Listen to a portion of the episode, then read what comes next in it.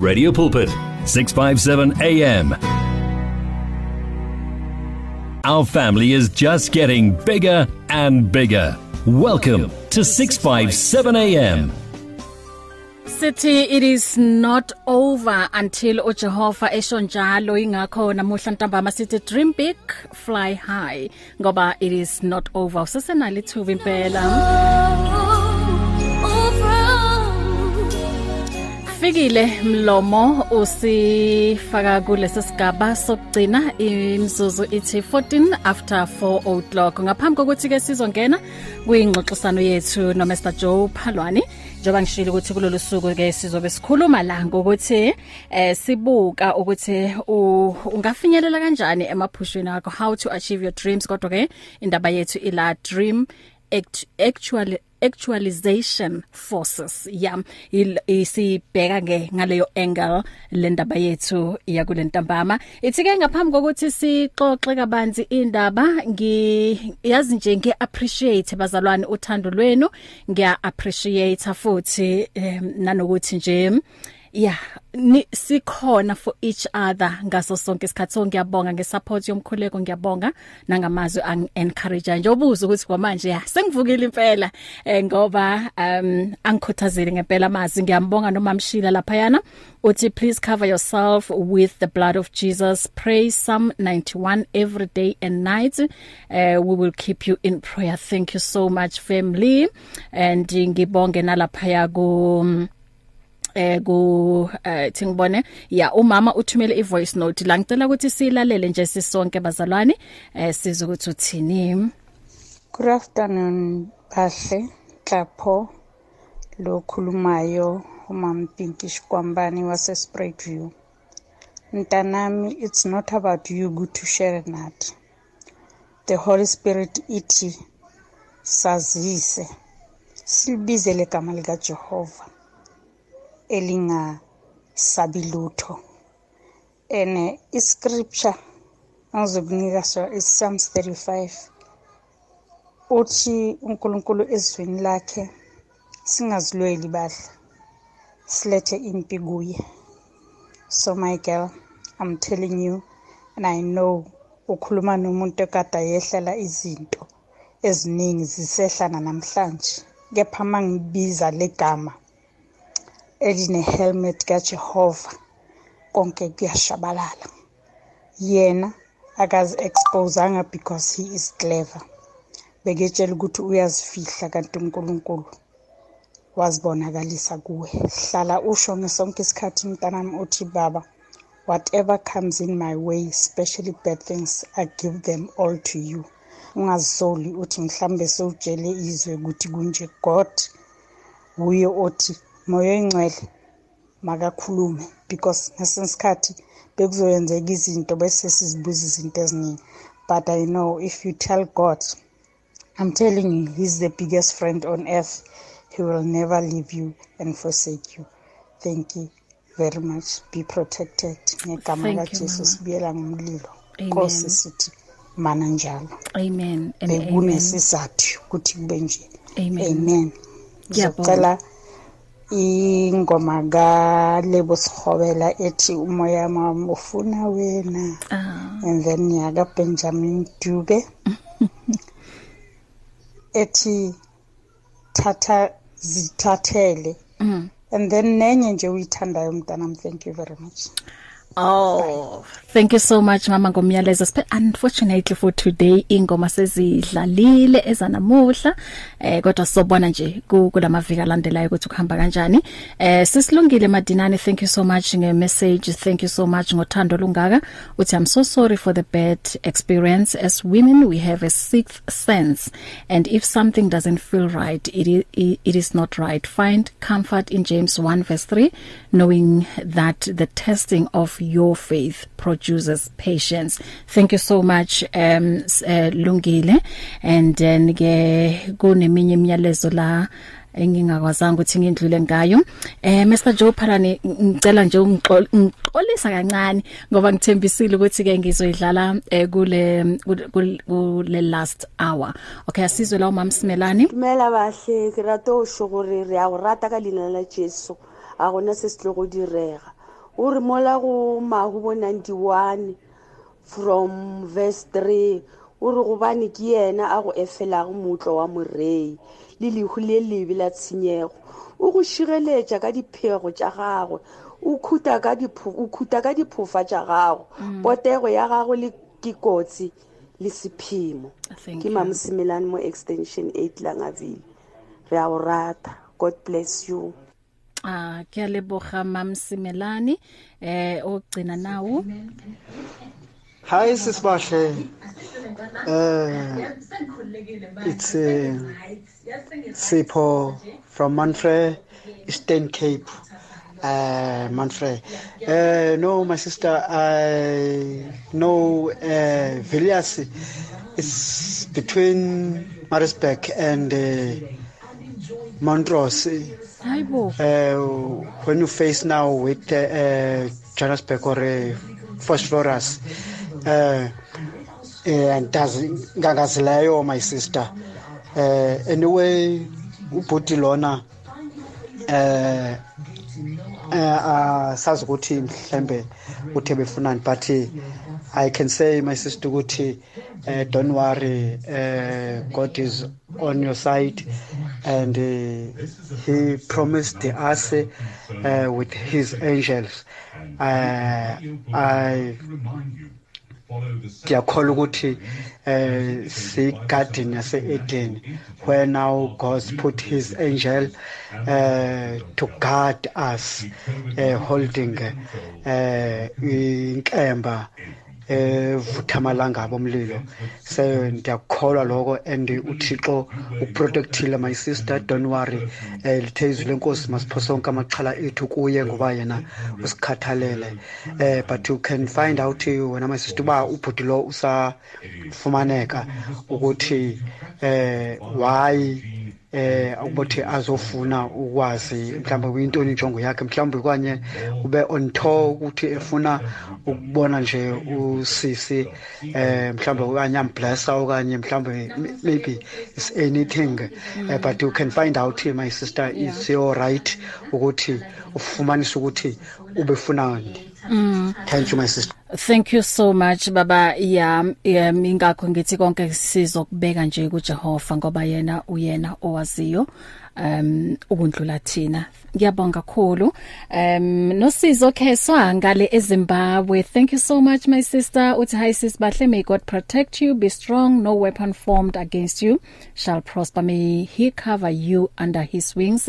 And ke uyasho la no JCzwe uthi ndimamele beloved you are a blessing. You are a blessing nawe eh JCzwe 21 after 4 o'clock njoba ngishilo ngithi ngino Mr Joe Phalwane Mr Phalwane re a homohela mo hae.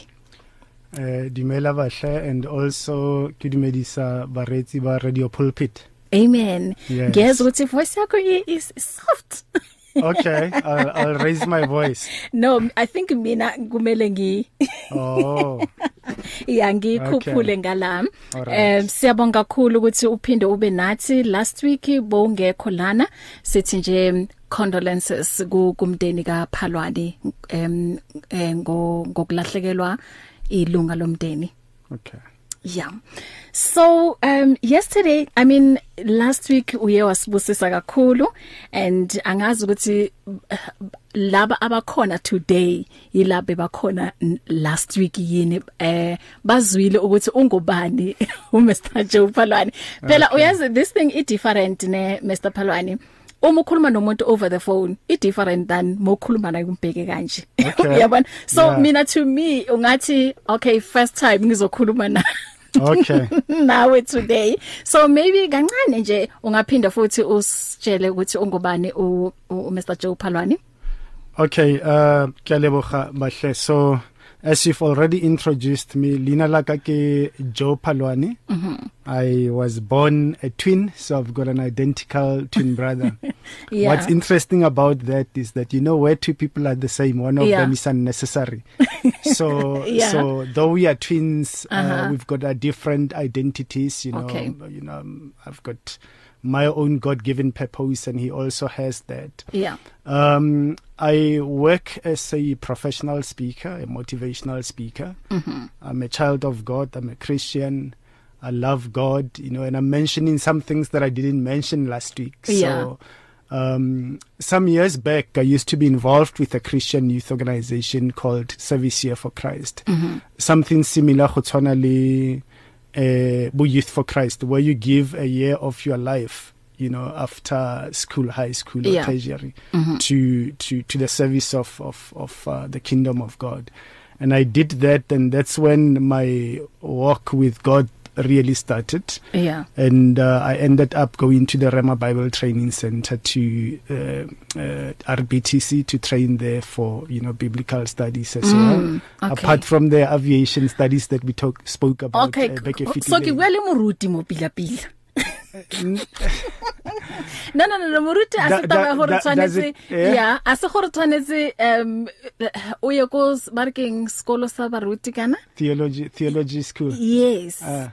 wa bona if wa khona go share the word Okay. and then uh, yes o moruti. A ke le nna ha ke le mo ba mpitsa moruti. And le nna ke na ke etsa ya ka wena ke re eh, eh, eh, a ke moruti i'm a radio presenter. I that used to be confusing in the past Yeah. but I'm very clear of what God's uh call on my life is you know. The bible talks of barnabas as Yeah. the son of encouragement Mhm. you know and that's what i was born to do to encourage you know. So i'm an encourager.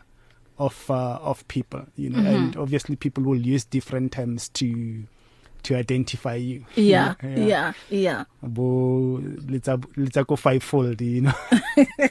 Yes. So yes, last week uh, we we started this series on dream big, fly high. Fly high. wow. And uh, we said that the lebaka la gore re re bolele ka setlhogo so it's because over the past 2 years Mm. because of covid many people have uh, gone through tough times and Yeah. some of them ditoro tsa bona tse tse leng gore ne bana le tsona before covid you know tse ding di phutlham you know Yeah. uh, and it looks as if uh, they will not rise from the ashes Mhm. and for some it was uh, difficult even before covid came you know and we spoke uh, in reference to bible characters uh, you know people like Bo Joseph mm -hmm. Bo Mhm. Job and so forth or you know they had to go through hardships Mm. before they reached the pinnacle of success in relation to purpose ya ya modimo for maphelo a bona you know Yeah. and rather redefine um, uh, because we were saying how to succeed in the midst of difficult times mm -hmm. you know Mhm. you succeed by having a dream you Yeah. know and we said success is a progressive realization of a god-given dream you know uh, Mm. many people succeed in many different things you know Yeah. but i always say that if uh, toro eo is a aligned with your purpose you Yeah. know o ka tswella pele mara ha se aligned le purpose ya modimo o kry ile hore you don't even feel successful that's why o thola batho ba ileng gore you know o lebelletse motho Mm. ona le everything you know Yeah. and uh ba tswelletse in terms of career or whatever e ba etsang mara they are not happy ba bang they end up even committing suicides i mean we we see that in the in the media you know Yeah. so so today we want to take that topic um forward to say how do you actualize this dream Mhm. you know uh Harry concluded last week ke boletse ka the four forces that are required Mm. to achieve your dream you know when faith takes flight you know Mhm. and and isora you know and and e go beya in a position where you can be fruitful Yeah. where you can impact uh, other people's lives you know uh to be able to do that you need this force these four forces and these four forces work for any type of dream whether your dream is to be a missionary your dream is to to go to a theological institution and uh, you know eventually pursue God's call to start a ministry or is to be a businessman or a doctor a nurse whatever it is Mm. or a teacher these four forces are critical to having your dream rise and become successful especially in the midst of difficult times. So, mm. go Psalms 126 verse 1. Let's hear what uh the the the word says. Um Psalms 1 126 verse 1. Mhm. Uh I'll read two versions. The first one ke amplified. It says when the Lord brought back the captives to Zion. Ka King James ere when the Lord turned back the captivity of Zion.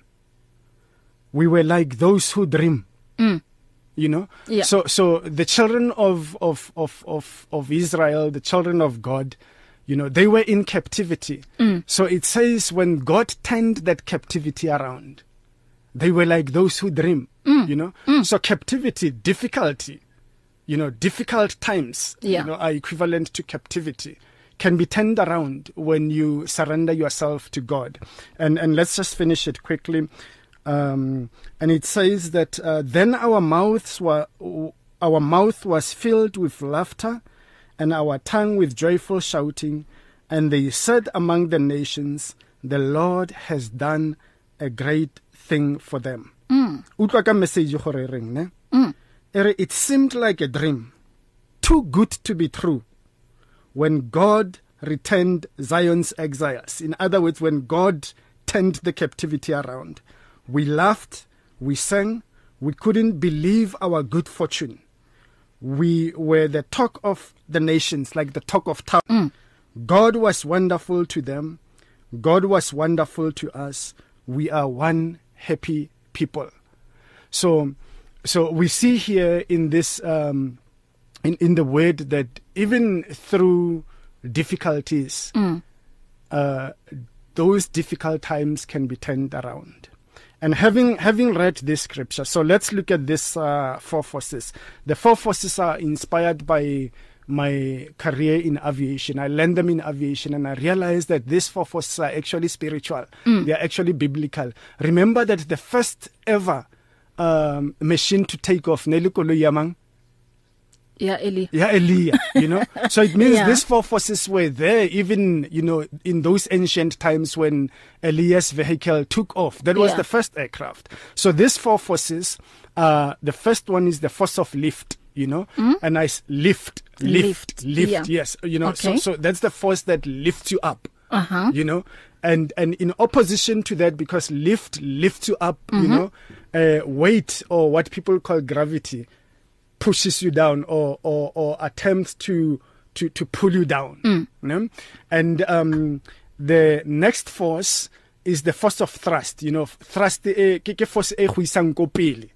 Ne Yeah. and in opposition to that ke the force of drag. So i'm i'm going to to play around with them and and to show us how these four forces can actually help us to actualize our dreams to achieve our dreams. So so in a spiritual context for me i saw them in this fashion that lift represents having childlike faith Mm. you know when you say to a child that you can succeed in life Yeah. you can you can um you, you you can do whatever that you want to do and make it you know a child will believe you with that childlike faith they will Yeah. not be skeptical Uh-huh.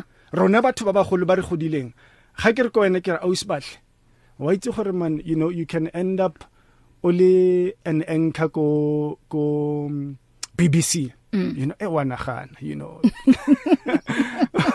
wa analyze Yeah. wa nagana that childlike faith for some of us it goes throughout the window and re nnang re nna skeptical Yeah. so childlike faith lifts your dreams up Mhm. in order for you to achieve you know what pulls you down Yeah. the opposite of childlike faith is being skeptical skepticism Uh-huh. you know so god's power doesn't operate when we are skeptical but when we have childlike faith mm. we see god doing miracles in our life helping us to achieve dreams that seem impossible even during difficult times as we saw with the children of Israel saying that we were like those who dream Mm. and then the next force is uh reception you know in other words being receptive Mhm. of what the word says Mm. about us and the promises that are in the word so when god says you are the head and not the tail Are you receptive of that? Yeah. Are you taking that and running with it and confessing that and, and, and visualizing that and, and, and putting that in the context of your dream and what you want to achieve? Because being receptive to the word of God will give you thrust. Yeah. It is impossible that you can be receptive to the word of God and not have trust. Mm-hmm. You know, but the opposite of that is rejection. So you are either receptive of the word or rejecting the word. Mm. So if you reject the word, it works in e e e e e bereka khatlhanong le toro ya gago gore o kre tswello pele e o e batlang Yeah. you know so so childlike faith is very important as well as being receptive of the word of god so those are the the, the what i call the forces of faith being mm. res, having childlike faith and being receptive to the word of god mm. that's the first segment of this uh four forces the second one quickly and um uh, then you can comment uh, maybe after that is that if I have a dream and I want to achieve to be successful with this dream, mm. I must surrender to God. I must wow. surrender the dream to God. So surrendering to God gives you lift. You Yeah. know, it's the force of lift that helps your dream to take off. Yeah. You know, when you surrender to God, you are subjecting your dreams to God and and you are saying, Lord, like what the Bible says that delight yourself in the Lord and he shall give mm. you the desires of your heart. Because the danger of having a dream is that you ha- can have a dream but that dream is not aligned to God's purpose for your life. Because uh, uh, as Dr. Miles Monroe used to say that purpose is uh, vision exposed.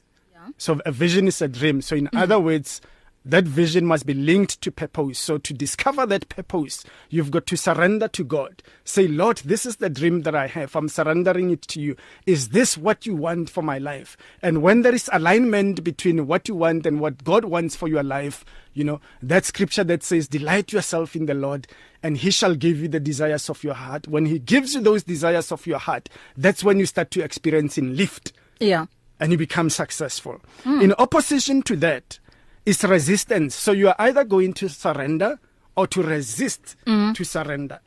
So how le khatlanong le go surrendera ko ko ko ko ko modimong that causes weight mm. on your dreams so your dreams will be slow you know mm. how, how se obedient o sa surrender o se obedient ga go bane le le le progress ka bonako o ka nako ya modimo Uh-huh. you know Uh. and and and the next one in this second segment is uh trust so to surrender you have to trust god Yeah. you can't uh be in a position e leng gore ha o tshepe modimo and still surrender mm -hmm. you know go go go ka se tlhakane you know but wa itse batlhane ga o tshepa modimo o trusta modimo you know what happens you experience what is called trust wa bona dikoloi tse tse tse di bitsiwang di sports car Yeah. ke lo paka mo pela yona ko robotong ne maybe Yeah. wena o driver yago ne Yeah. he tloga mole ke lo bona gore e Yeah. yang koloi ya Yeah.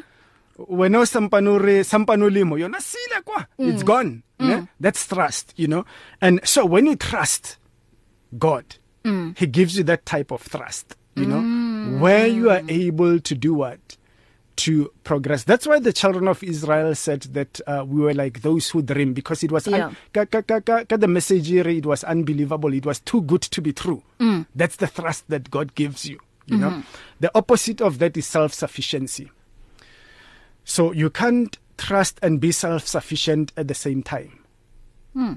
you know Yeah. um to be self sufficient to to to to to overcome self sufficiency you've got to surrender and to trust mm -hmm. you know and then you you don't become sufficient in yourself so that ga dream ya ya gago e le gore you know god says to you that um i want you to do this particular thing that is beyond your capabilities in mm. terms of resources finance education skills and all those things Yeah.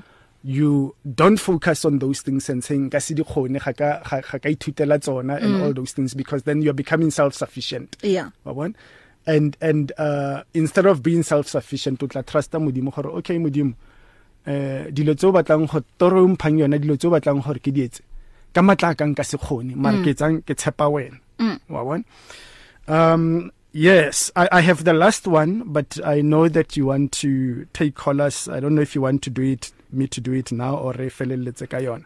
no re ka etsa moruti Okay, yeah. yeah okay. yeah So so this one is powerful. Mhm. No? So it's the sec the the third segment of this forces of faith. So we said the four forces are lift, mhm which is um counteracted by weight. And then there is thrust e go isang ko pele, which is counter and counteracted by drag. So this one I love it because if we practice this one. Mm. You know uh when you transfer your trust from yourself, your peers, your family, your associates, when you transfer your trust komodimong mm. to God and says, God, you are my source. I trust you and you alone. That gives you lift. It gives you a dream lift. You are Yeah. able to soar and fly because you have transferred that trust to God, you know. In other words, you know, wh- when pilots fly aeroplanes, sometimes they have to fly blind when instruments are not working, you Mm. know. So in this case, it's almost something like that, that you become blind to the obstacles that are in this world, you know, and you put your complete trust in God, you know. I think ke mola mo ileng hore if maybe you share um your dreams Mhm. and then akere batho tla e ba lebelletse gore no re batle a reng batle? yes. O Uh. kilo bana ka ba and no etsa example mo ya hore ko ke be a, news anchor. Yeah, ko- BBC, yes uh. go BBC so batho ba tla ba ra "Eh, wena be real na re wa reng? Eh, wa bona? yeah. And you're right because the opposite of transferring trust yeah. To God in order to lift up your dream, the opposite mm. of that, which gives us weight, it is the traditions of men. yeah Abon? yeah And and the traditions of men um, are what you know people do and say to discourage us in so many different ways. mhm You know, yeah whether it's from a theological perspective or just a cultural perspective. mhm Hore wena o tswa ko motseng o e leng hore ke mang o rutehileng ko motseng o tswang ko ona wena? yes Ko family ya lona. Mhm. Understand? Show me one person Mm. who has ever succeeded in your family. mm. And and the reason why sometimes families get caught up in a perpetual vicious cycle yeah poverty and underachievement. Mm. Sometimes it's not because God doesn't want to bless them, Yeah. but it's because we are focused on the transi- the traditions of men Mhm. instead of uh, transferring our trust to God. yeah And it happens to Christians as well. It's not Mhm. o- only uh, non non non Christians it's true yeah um and and um so the the the other pair that goes with transference of trust and the traditions of man is corresponding action so corresponding action mm. gives you thrust and i mentioned it briefly last week you know um corresponding action mm. let's say i'll give an example let's say i have a dream of opening a crèche or a school mm. you know and uh, but i don't have the resources ne? Mm. corresponding action that will help me to achieve that dream will be to take god's word and apply god's word to that dream Mm. you know Wow. i may not have the money yeah but if you don't have the money the resources you, you don't sit back and say ish ha ke nang ha ke nang ho tla loka one day no you go to the word and say your word says my god shall supply all my needs according Mm. to his riches in glory yeah you know and and and and you go to the word and find scriptures that says um you know that that that talks to to to the power of god to help you to to achieve and o rola di uktlap go tshwana le di horses le di donkey ne yeah anything else that is not part of corresponding action Mm. of confessing the word Mm. you ignore it mm. ne you Yeah. ignore the symptoms mhm of those le ha bona nka tla re ish ko department of education ba re you know the deadline for registering for schools that want to start and open new schools that want to start and open next year Mm. it's coming in a week's time Mm. you know? You rolling you clap. You confess the word. Yeah. I don't have the time to share some of the testimonies of many great uh, children of God that I have read of practicing corresponding action. Role di di oogklap because if you don't do that your faith dies. Hmm Mawon Yeah. and and that faith doesn't produce anything mm. in fact in the book of James if I'm not mistaken you know the bible says even the devil the, the devil has has has has faith that faith you know yeah So if you don't have active faith, uh, we activate and through, you know, applying corresponding action, you are actually practicing the faith of the devil. mm. That faith. Mm. You know. So we need to be careful with this thing. So because it gives gives you drag, it slows your your progress. So those are the the forces of uh dream actualization. All these things that I have shared.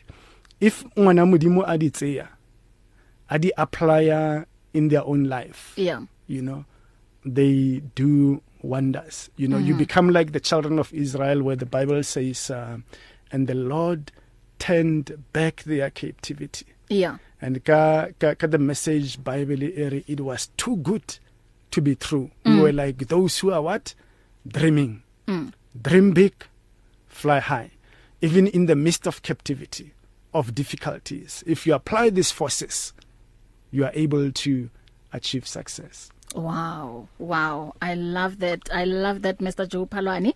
Ikakhulukazi labo ukhuluma khona ukuthi have childlike faith because uma ingane um i- ibeke ithemba lakhe kumzali halibelle gore uh, okay hanka hata mo ke tloa o tlo hata cause wa itse gore um ntate o teng on the other side mama o teng on the other side. So if it happened gore um maybe o misa a step.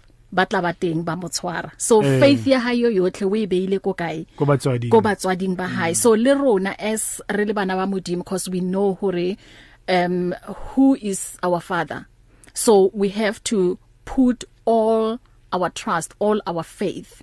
Go go yena it doesn't matter gore your dream but ba bang ba ibona kare e unreal. O kre motho bare o na le 00 uh, go- go accounting ya hao but o o- wena o nahana ro ka reka ntlo ko Sandton you know o nahana ro ka o ka nna le ntlo ko ko Houghton you know things like that. But how long ngwana wa modimo as you saying hore if una le a, a childlike faith mm. you know and you believe ko lefokong la modimo hore hare a a gona next e mo palang mm. he means that ha are nothing is impossible go go yena. He means that. So the most important thing um engizwile la uyisho ukuthi um, uh, surrender your dreams to God.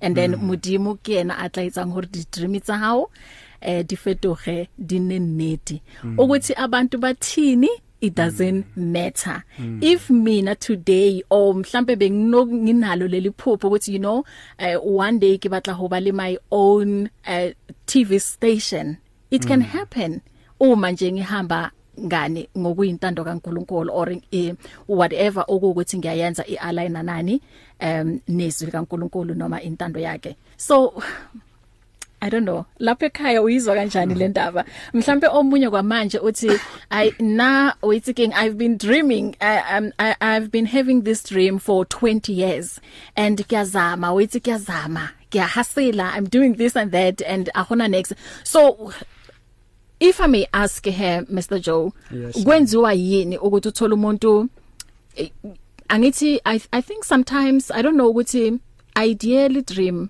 uh, dia differ. Yes. Yeah. Uh, there's a thin line in in my opinion. Um idea is when an idea drops in your mind mhm or in your spirit Yeah. you know. So you have to take that idea work with it mm. develop it pray about it until you fully understand gore modimo o o o batla gore o etseng mhm you know. Uh they usually say when god calls you to do something he doesn't show you the whole journey. Yeah. One uh god can call you for now gore go to school study business Mm. um you know become your business or go to bible school study theology. But he doesn't show you 20 years from now. Yeah. One- So that's the idea that you have. So for you to be able to see 20 years from now, you know mm. uh you have to walk by faith and develop that uh idea and that's why a dream evolves mm. you know haine stagnant mhm ya gola yeah. ha because how dreamer khonyano 3 years down the line you've achieved that dream do you then relax and say hore ag I've, I've achieved no ya ya evolve Yeah. ya gola god gives you more because Mhm. you are surrendered to him yeah. Yes. Mm. Okay 1648 lapho ekhaya mhlambe unombuzo o kukhona ongaka understand eh njoba sibuka la ukuthi how to achieve your dreams. Yabona uma ungumntwana kaNkuluNkulu all the time kumele em lamazwi abe khona kuwena ukuthi akukho okumehlulayo uNkulunkulu and akukho nje oku impossible so if une dream and then you surrender that dream kuNkulunkulu. Bona i don't know hore ikanka 5 years ikanka 10 years but okusalayo kuzokwenzeka ngoba wenzeni? Uyamtrust uNkulunkulu and then lelo phupha lakho ulibekile kuyena. 0123341322 0123338699 ungathumela ne WhatsApp ku 0826572729 ene ngiyayithanda lemfundiso um Mr Joe because um njobe ngisho ngithi bakhona abantu ikakhulukazi yabona njobe sibhekane nale na- nale pandemic Mm. bakhona okuwukuthi ba give upile ku- ku- kuma dreams abo Eh, ngoba omunye maybe iphupho lakhe belikhula and then abone ukuthi yo uyazi sengifikile la bengifuna ukufika khona bese ke yafika ipandemic and Mm. then yashabalalisa nje yonke into. Bese umuntu athi ayi cha ngeke. Ngisebenze kangaka for the past 5 years. And then within nje a year or within months iphupho lami nali selishabalele and it is very difficult ukuthi umuntu aphakame futhi athi ngiyoqala futhi Mm. kabusha. So i'm i'm i'm thinking ukuthi ngale ngale ngxoxo lena um siyamkhuthaza umuntu ukuthi no even though izinto azihamba ngendlela bohlele ngakhona but uma nje leli phupho lakho walithatha walibeka kuJehova kuzokwenzeka yeah 0123341322 eh sisalindele incingo you, um you noma know you yeah. know but just quickly Psalm 37 verse 4 to 5 says uh, with regards to your last statement that you've just said Yeah. yeah. the plans of the Lord stands firm forever yes no mhm the purpose of his heart through all generations so Yeah. so covid will pass but Mm. God's plans that dream mm. that God has for you Yeah. stands forever yes so that's what we have to hold on to and uh apply corresponding action Mhm. speak that word over this dream you know Yeah. Ezekiel 37 you remember mhm you know, yeah, yeah. Uh, And singakhohlwa abazalwane ukuthi we walk by faith not by sight. Ngiyabuya emveni kwalokho sinemzuzu embalwa ke eh, ngaphambi kokuthi sihlukane la no Mr Joe Phalwani. Um kwamanje ke it's fif- 16:51 so sina plus minus 6 minutes ukuthi sithathe ama calls wakho noma ke imibuzo. From your ear to your heart to your mouth to your feet. Join this life on 657 AM. If you need prayer, please send your request to prayer at radiopulpit.co.za or WhatsApp 067 429 7564 or go to Radio Pulpit website on www.radiopulpit.co.za. Many people across South Africa are being blessed and encouraged by the Radio Pulpit devotional magazine, The Word for Today. This publication places the gospel of Jesus Christ in the hands of more than 100,000 people every day, inspiring every person, from the professional businessman to the needy person who lives on the streets. Each edition contains daily scripture based devotionals and inspiring articles to help you grow spiritually. The booklet is given with the compliments of Radio Pulpit, but your donation, large or small, will help us to print the next edition and continue being the hope of the gospel to a world in desperate need. The word for today. Get yours today on 012 334 1200 or subscribe online at www.radiopulpit.co.za. Radio Pulpit, your daily companion. Hear the word and renew your life on 657 AM. Give your faith wings. Explore life with 657 AM. 657 AM. Ya nazo ke em iyeza icamp yokuqala yabomama so zilungiseni em uyakhumbula earlier on ngiye ngakhuluma ukuthi um ngina disturbing news and futhi ngina ngi, I have good news. So good news ukuthi bazalwane on the 8th of April ngale eWingate Park Country Club sizobe sine Radio Pulpit Golf Day. Okuwukuthi si raise ama funds for I am radio. I am radio i youth radio yala ekhaya so ke the interesting part ila ukuze on this day mina nawe o mhlambe omunye wama presenters wethu la ekhaya um ukuspenda isikhathi nami o mhlambe omunye wama presenters njoba ngisho ngithi the interesting part ila eh sizoba ne eh kuzoba ne bidding ne? And then i bidding iqala ngani? Ngo 2000 rand. Meaning ukuthi on the day eh noma ngathi on on the day yes on the 8th nge golf day uma ufuna ukuspenda isikhathi nami. So kuzoba ne bidding. Meaning ukuthi if wena uthi i'm bidding nge 2000 and then ngifuna ukuthi ngispende the whole day nobahle and then omunye uyeza uthi hayi mina ngino 4000 omunye athi ngino 5000 meaning ukuthi lo ozobe ebhide ngemali enkulu uyena ke engizospenda isikhathi naye. So um i registration it's 1000 per player ne? I include a halfway lunch goodie bag prize giving dinner. And then u 4000 eh per 4 ball. So per 4 ball kusho ukuthi ke kuzomela ukhiphe u 4000 and then after ukudlalwa igolf kuzoba ke ne dinner and then ngedina ke wena unga ningathenga itafula nu 10 ngo 3000 rand. So nizoyidivide nina nu 10 ukuthi nizokhipha malini. Itafula is 3000 rand. And then um i whole sponsorship sona siqala kuphi from 5500 rand. So ibidding isiqalile bazalwane. So eyami izoba ngomhla ka 21 March kuzobe kuyi Monday between um 6 and 7 ohlelweni luka luka Dwayne so if ufuna ukubida ukuthi mina on the 8th of April I want to spend the whole day nobahle wakanhlapho so kuzomela ke eh ulalele lapho ohlelweni ukuthi kuzobe kuhamba kanjani. Mina ngingathanda ukuthi ngispende a day nawe. Sixoxe ngikwazi kangcono nawe ungazi kangcono. Kungagcini la ku radio or behind the mic. Kumnandi ukuthi abantu bazane eh kangcono. So asenzeni njalo bazalwane. Njengoba ngisho ngithi um lokhu sikwenza ngoba si raiser ama funds i-registration ke izoqala ngo half 8 and then shotgun start at um 11 o'clock e Wingate Park Country Club.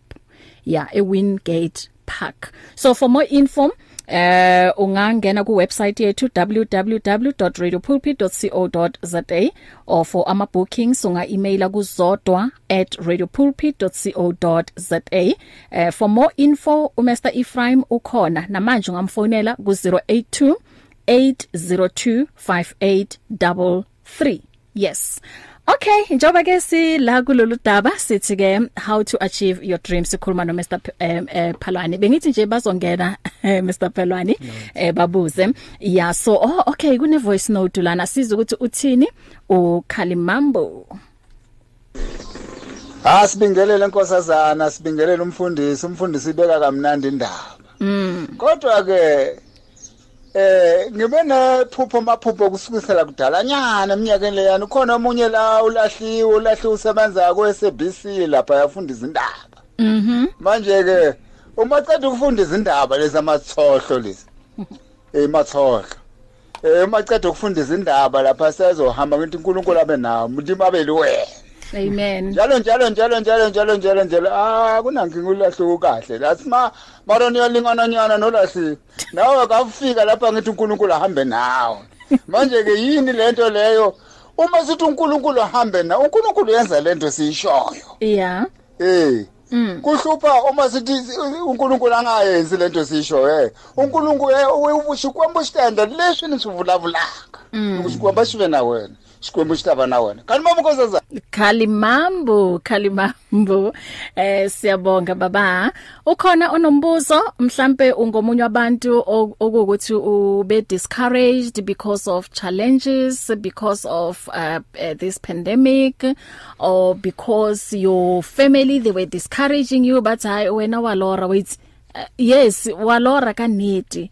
Uh, so uthemba bani? Uthemba ulalela labantu noma ulalela uNkulunkulu uthini noma uthatha izithembiso zakhe yini? Mina ngithi uyabona uma umethemba uNkulunkulu and then eh une faith efana neyengane ungabalaleli abantu ungalaleli izinto ey negative wena lalela nje izithembiso ezikaNkulunkulu um ukuthi zithini. And then u, u nawe ungayithathi kancane owuyicekele phansi uNkulunkulu uthi ubani kanti mzalwane? Uyabona uma uzoqala ngokuthi uyicekele phansi kusho ukuthi awumethemba uNkulunkulu ukuthi uyilokho athi uyikho. Um Mr Phalwani in closing o singayivala kanjani? Uh wayithi bahle one of the most powerful things about uh experiencing difficulty mm. or opposition o only in the path ya go achieve your dreams ditoro tsa gago and then ska ntso bolela Mm. o lose everything. It's because there is already solutions for for that in Yeah. in in the word and I'll close with two. The first one is in Joel 225 Joel 225 mhm it says i will repay you for the years the cankerworm wow. have eaten. Mm. you know? So even before you went through the captivity the difficulty yeah the solution is already there to overcome that yeah what you need to do is to practice corresponding action and Mhm. speak these things into existence Mhm. you know and and the the last one even in such to this is that when you get the repayment of Mm. these things that he, he it says that they will be restored. Yeah. Is that you don't get them as they were you know because when he restores he restores sevenfold Mm. you know. It says the, the the the enemy when he has stolen from you and when he repays he repays more than that which you lost you know. And uh, for me i find it as encouragement. I mean i've gone through uh hard and tough challenges in in in my own life you know yeah and I always use these scriptures, you know, to Amen. encourage myself, you know, to be like David. It says he encouraged himself in the Lord. amen But uh, in conclusion, let's use them to sow seeds into our future because we don't know what we're going to encounter yeah in the future. So when you do them now, protecting yourself for now, dealing with what's in the past, but also protecting the future, Mm. then you are able to break through in the midst of difficult times. wow. Sira leboga moruti. And ba o kry ko kae kana mo ngekho la moyeni? 079 263 3621 my social media Joe Palwani. All social media platforms I'm Joe Palwani. Yeah. Yes. and nginga ngi- ngingathanda mzalwane ukuthi umfollowe ngoba um sometimes la emoyeni uthola ukuthi kunezinto afuna ukuzikhuluma kodwa isikhathi ngoba singavumi. Um u- uzofunda okuningi from a page lakhe ikakhulukazi if um unama dreams and ufuna ukubona lama dreams wakho ephumelela. Thank you so much until rekopana hape beke beke Next week. etlang. Yes. Siyabonga. Amen. uPastor Ray Lehodi uyeza uzokuthatha njengoba lishayile ihora lesihlanu. Mina nawe sisonke kusasa ekseni ngo4 until um half 5. Komphatla latsane. Asithi your love is amazing. Faith, hope, and love. Experience victory in your life on 657 AM. If you need prayer, please send your request to prayer at radiopulpit.co.za or WhatsApp 067 429 7564 or go to Radio Pulpit website on www.radiopulpit.co.za The search continues for top quality South African Christian music. If you are a new artist or releasing a new CD, then send it to Radio Pulpit. For more information, please visit the Radio Pulpit website. That's www.radiopulpit.co.za or phone us during office hours 012 334 1200. Radio Pulpit, your daily companion. You and 657 AM and life, a winning team on the road to eternity.